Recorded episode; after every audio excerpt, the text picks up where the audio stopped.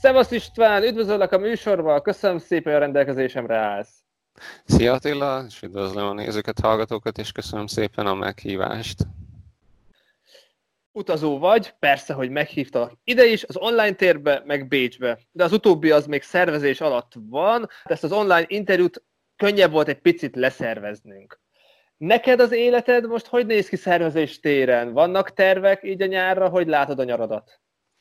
Vannak tervek, meg voltak tervek, most nagyon-nagyon képlékeny. Eh, sajnos egy, egy út az már el is úszott, az áprilisra volt betervezve Izland, egy nagy álmom volt, sok évig csak nézegettem, hogy uhú, mindenki megy Izlandra, most egyszer eldöntöttem, hogy na végre én is elmegyek, és akkor ez most, hát ez így elment, azután, és akkor újra tervezés, mert hogy hát ugye elvileg oda lehet menni, de olyanok a feltételek, hogy így picit oroszul lett az egész. Oké, itt álljunk meg is egy pillanatra. Itt buktál valamit, vagy sikerült elintézni, meg mik ezek a feltételek? Mennyire, mennyire szigorú ott a helyzet? Hát részben adták csak vissza a pénzt, néhány szállás nem adta vissza, hogy át, át lehet foglalni, meg a repjegy az ugye voucherbe van, szóval ilyen is is helyzet. Feltételek meg, meg az van most, hogy beutazáskor tesztet kell csináltatni, azt, annak megvárni az eredményét, hogyha véletlen pozitív, akkor két hét karantén Izlandon, hotelben, vagy ha a repülő melletted valakit pozitívra tesztelnek, akkor szintén két hét karantén Izlandban neked is hotelben, és az úgy eléggé finom. Itt nem elég az, hogyha viszel magaddal tesztet, szóval mindenképpen, hogyha megérkezel, akkor ott frissen csinálok egy tesztet, és annak apropóján döntik el. Így volt, de a héten olvastam, hogy ezt megváltoztatták, most már csak a saját tesztjüket fogadják el. Hát ez tényleg izlandi turizmusnak oda fog vágni, és erről másokkal is beszéltük, hogyha ez lesz így a jövő, és sok országban így lehet utazni, akkor nem fognak utazni az emberek, mert ennyi Szabi és társai, meg Izland meg egy nagyon drága, szóval ha nézők nem tudnák, az egy nagyon-nagyon drága ország. A, a ti akkor most mi van? Meccseztek, hogy visszakapjátok, vagy ez a szituáció akkor hogy áll? Ezt nem én szerveztem, ez egy kis csoport lett volna, úgyhogy egy pár emberrel egy, így összeállva Annyit tudok, hogy van, aki visszaadta, van, aki pedig tartja, és át lehet foglalni. Egy, egyelőre talomban tartottuk ezt a dolgot, ezeket a feltételeket, amiket így megtudtam, hát nem tudom, még igen, még annyi van, hogy ezt még állítólag most hat hónapig akarják fenntartani ezeket a feltételeket, úgyhogy nem néz ki jól. Lehet, hogy ebben marad egy kevés pénz. Szerencsére nem olyan sok. Rukkolok, hogy ez, ez jól alakuljon, és mondtad, hogy vannak is azért tervek nyára, itt mikre gondoltál? Persze most közelebbi célokat nézegetek, mert azért most így rendesen dolgozom alkalmazottként, úgyhogy van szabadság, azt meg valahol fel kell majd használni, már pedzegetik, hogy hát el kéne kezdeni. Úgyhogy most, most én inkább ilyen hegymászás felé kacsingatok, így Ausztria felé lehetne menni, van is egy kilátásban, és akkor elmennénk a Monterosa csoportba, ott van 7 darab 4000-es hegy közel, én hegyet is mászom egyébként, és akkor az, amely egy hetet el lehet tölteni, akkor a szabit legalább értelmesen fel tudom használni. Később is hát Korzikára szerettem volna elmenni, az meg ugye azért kínos, mert Franciaországnak a része, ahol egyik legsúlyosabb a helyzet, szóval oda is a beutazás eléggé kérdéses még az őszi program lenne, úgyhogy ahogy mondom, minden, minden nap változik, hogy éppen mikor, hova gondolom, hogy most el lehet menni megértelek, tehát ez mindannyiunknak a, a hétköznapére hatása, vagy folyamatosan informálódni kell, és bizakodni, hogy hát ha pozitív, pozitív irányba fognak változni a dolgok. Itt említetted, hogy most van rendes munkád. Korábban volt olyan periódus, hogy két munka között voltál, és akkor szabadon utazgattál, vagy jártál valamerre így a világban? Igen, volt egy úgymond nagy dobásom nekem, amikor majdnem egy évre igen elmentem fizetés nélküli szabadságra, és kilenc hónapot utaztam, ez Dél-Amerika volt. Én igazából a, a legalsó csücskétől felmentem a Karib-tengerig, nagyjából az Andok vonala mentén öt országot érintve. Szóval igen, volt egy ilyen, azóta is hiányzik, és hát igazából játszottam a gondolattal, hogy visszamegyek. Még természetesen a vírus előtt. És előadásaidat gondolom van több előadás, az sokfele jártál, van ebben a témában is, hogy dél-amerikai országok, konkrétan egy ország, vagy az egész tripped, hogy mondjuk például Bécsben milyen előadással, előadásokkal tudnál jönni? Igen, kettő van, pont, nagyjából így, ahogy mondod. Van az egész útról egy, ami így nyilván sok idő volt, szóval az egészet nem, de így ilyen kiragadott kis történetek, vagy amik engem megfogtak, vagy amik nagyon nagyon mély nyomot hagytak bennem ilyen vagy olyan szempontból, mert hát azért utazás közben sok mindent lát az ember, nem csak azt, amit a tévében vagy az utazós könyvekben. Szóval van egy ilyen előadás, a másik, amit pedig nagyon szeretnek, az a Machu Picchu és az Inka birodalomról összeállítottam szerintem már egy egészen jó anyagot, nem is, nem is férek bele az időbe, az előadás időmbe sosem. Erre sokan el szoktak jönni. Ezt valamiért ezt jobban szeretik, mint, a, mint úgy a dél-amerikást. És most egy normális munkában vagy benne, terve van megint a jövőben, valamikor akkor rendeződnek a állapotok, megint egy ilyen nagyobb trippet csinálni valamerre a világban? Elképzelhető, igen, mert hiányzik. Hát az egyik az, hogy visszamenni oda, mert kilenc hónap ide vagy oda, maradtak ki részek, amiket nem láttam, és akkor megnézném azokat, vagy visszamennék egy-két olyan helyre, amit láttam, de olyanok voltak, hogy mégiscsak újra.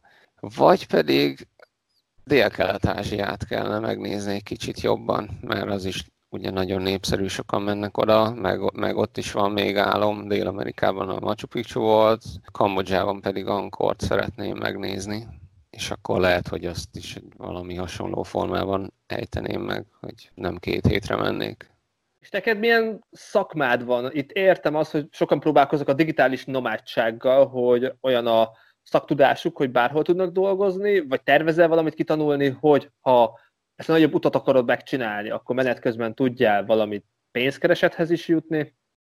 Nekem teljesen olyan, én szoftverfejlesztő vagyok, és folyamatosan természetesen szintén azon is pörög az agyam, hogy elindulni úgy, hogy dolgozok. És hát igen, ezzel kapcsolatban is voltak terveim, hogy akkor úgy, úgy elindulni, aztán a vírus, ugye, megint csak a, a, a vírus, nem tudom, hogy ez a digitális nomádságot milyen távon fogja érinteni. Elképzelhető, hogy ezt most egy picit hosszabb távon muszáj pihentetni, de egyébként igen, ez, ez egy lehetőség lett volna, vagy az, hogy megint kiveszek egy fizetés nélküli szabit, vagy pedig digitális nomádként elindulok, mind a kettő működőképes lenne. Dél-amerikai trippeden ott hogy csináltad? Dolgoztál, vagy ott inkább tényleg csak utazás, meg enjoy, enjoy the way feeling volt? Nem, én ezt eh, teljes egészében annak szenteltem, hogy utazhassak. Ott kifejezetten nem akartam munkával foglalkozni. Ott összegyűjtöttem valamennyi pénzt, lakást, kocsit kiadtam, abból még valamennyi bevételem is volt, és így. Így visszatérve a digitális nomád gondolatra, hogy megnehezedik a helyzetük, sokan szokták azt csinálni, hogy maradnak egy-két hónapot egy adott országban, és utána mennek tovább. Ilyesmi nem merült fel benned, mert azt gondolom, hogy ez azért lehet, hogy egy fokkal könnyebben kivitelezhető még ebbe a pandémiás korszakban is. Most ebben a korszakban így nem, nem merült fel bennem, hogy elinduljak, de alapvetően pedig egyébként persze igen, mert hiszen akkor ugyanúgy hétfőtől péntekig dolgoznék, tehát nagyjából tényleg a esték meg a hétvégék állnának rendelkezésre digitális nomádként, tehát akkor nyilván le kell lassulni, akkor több, több időt el kell tölteni egy helyen, akkor maradnának a hétvégék. Amikor kérdezted, hogy digitális nomádság érdekel-e, akkor erre gondoltam egyébként, tehát akkor lassabban utaznék, vagy nyilván meg kellene osztani az időmet. Én fejemben az van, hogy ha van egy jó neted, és olyan a munkád, hogy nincsenek durva határidők, akár lehet utazgatni, tehát nem muszáj fixen hónapokra ott maradni valahol.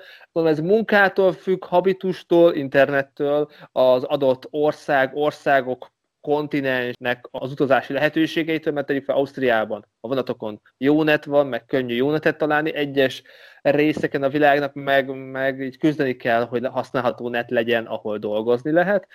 Ez persze az embertől függ, hogy mi a szaktudása, meg milyen lehetőségei vannak. Nekem az internet az sarkalatos pontja ennek a dolognak, tehát nekem most eleve úgy van a munkakörnyezet kialakítva, nekünk eleve a munkakörnyezet is a felhőben van, tehát nekem egy folyamatos, egésznapos, stabil és gyors internetre van szükségem ahhoz, hogy dolgozni tudjak, legalábbis ebben a munkában most, ha itt maradnék. Úgyhogy ez igen, ez, ez, ez belimitálná, bekorlátozná azokat a helyeket, ahol mehetek. Például Dél-Amerikában azért sokszor volt ezzel probléma, hogy megszakadozott az internet. Akkor erre valami megoldást ki kellene találni, vagy, vagy akkor ezeket a helyeket hanyagolnom kell.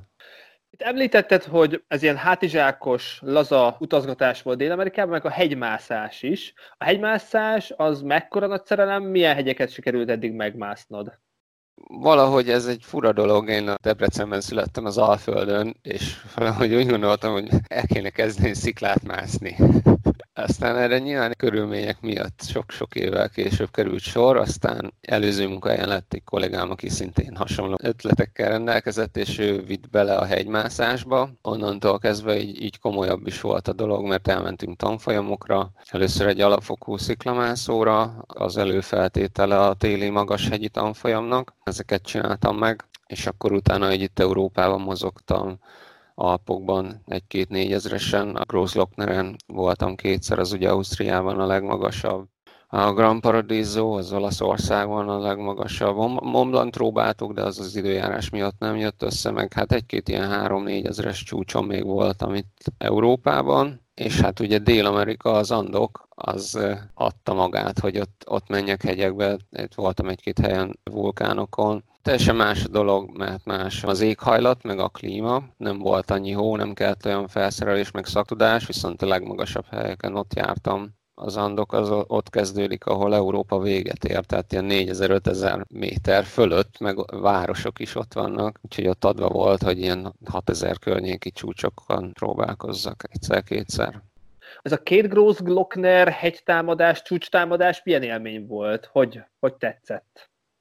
Fú, az első, az röviddel a tanfolyam után volt, úgyhogy az, az picit így félelmetes volt még, mert hogy ott a Kleinglockner meg a Grosslockner között van egy nyereg, amin át kell mászni, és az eléggé keskeny, mind a két oldalon szakadék. Persze vittünk kötélbiztosítást, de akkor még úgymond nagyon zöldfülű voltam. Nem mintha most olyan nagyon hű, de tapasztalt hegymászónak tartanám magam, mert nem de most már azért bátrabban mozognék. Egyébként pedig az élmény az, az valami elképesztő, amikor felmész valami olyan helyre, ami tényleg a legmagasabb a környéken, és akkor mindenfele látni.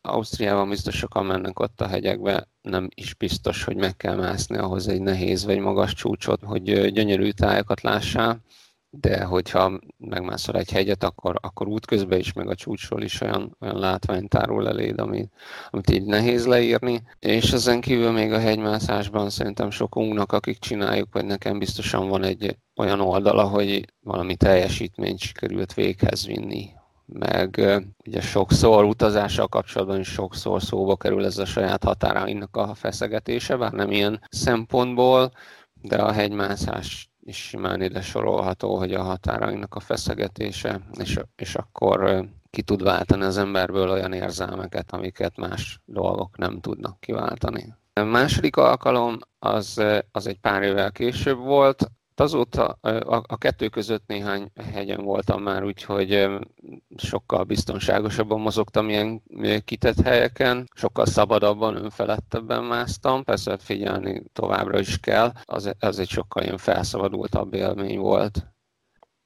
Maximálisan rá tudok csatlakozni, itt Ausztriában rengeteg, rengeteg jó hegy van, amit akár könnyű kis laza túrával meg lehet mászni, és egy csodálatos panorámát kapunk. Én is megmásztam a Großglockert, én nem éltem meg, meg szerintem nem egy nehéz hegy, szóval mindenkinek tudom javasolni, vezetővel vagy tapasztalt túrázóval, hegymászóval érdemes fölmenni, mert, mert nem adja magát olyan nehezen, mint például a Mont Blanc, az egy nehezebben megmászható hegy. István, köszönöm szépen, hogy meséltél nekünk, remélem minél előbb élőben, személyesen is tudsz, akár lehet az ausztriai hegymászásokról, mert már jó pár hegy van mögötted, vagy a dél-amerikai utadról, vagy Peruról. Várjuk ezt, szervezzük, és remélem minél hamarabb össze fog ez jönni. Természetesen én is nagyon várom már, hogy újra lehessen ilyeneket csinálni, és akkor még egyszer szeretném megköszönni a meghívást. Keep on touch, szép napot, szevasz! Viszont mindenkinek, szia!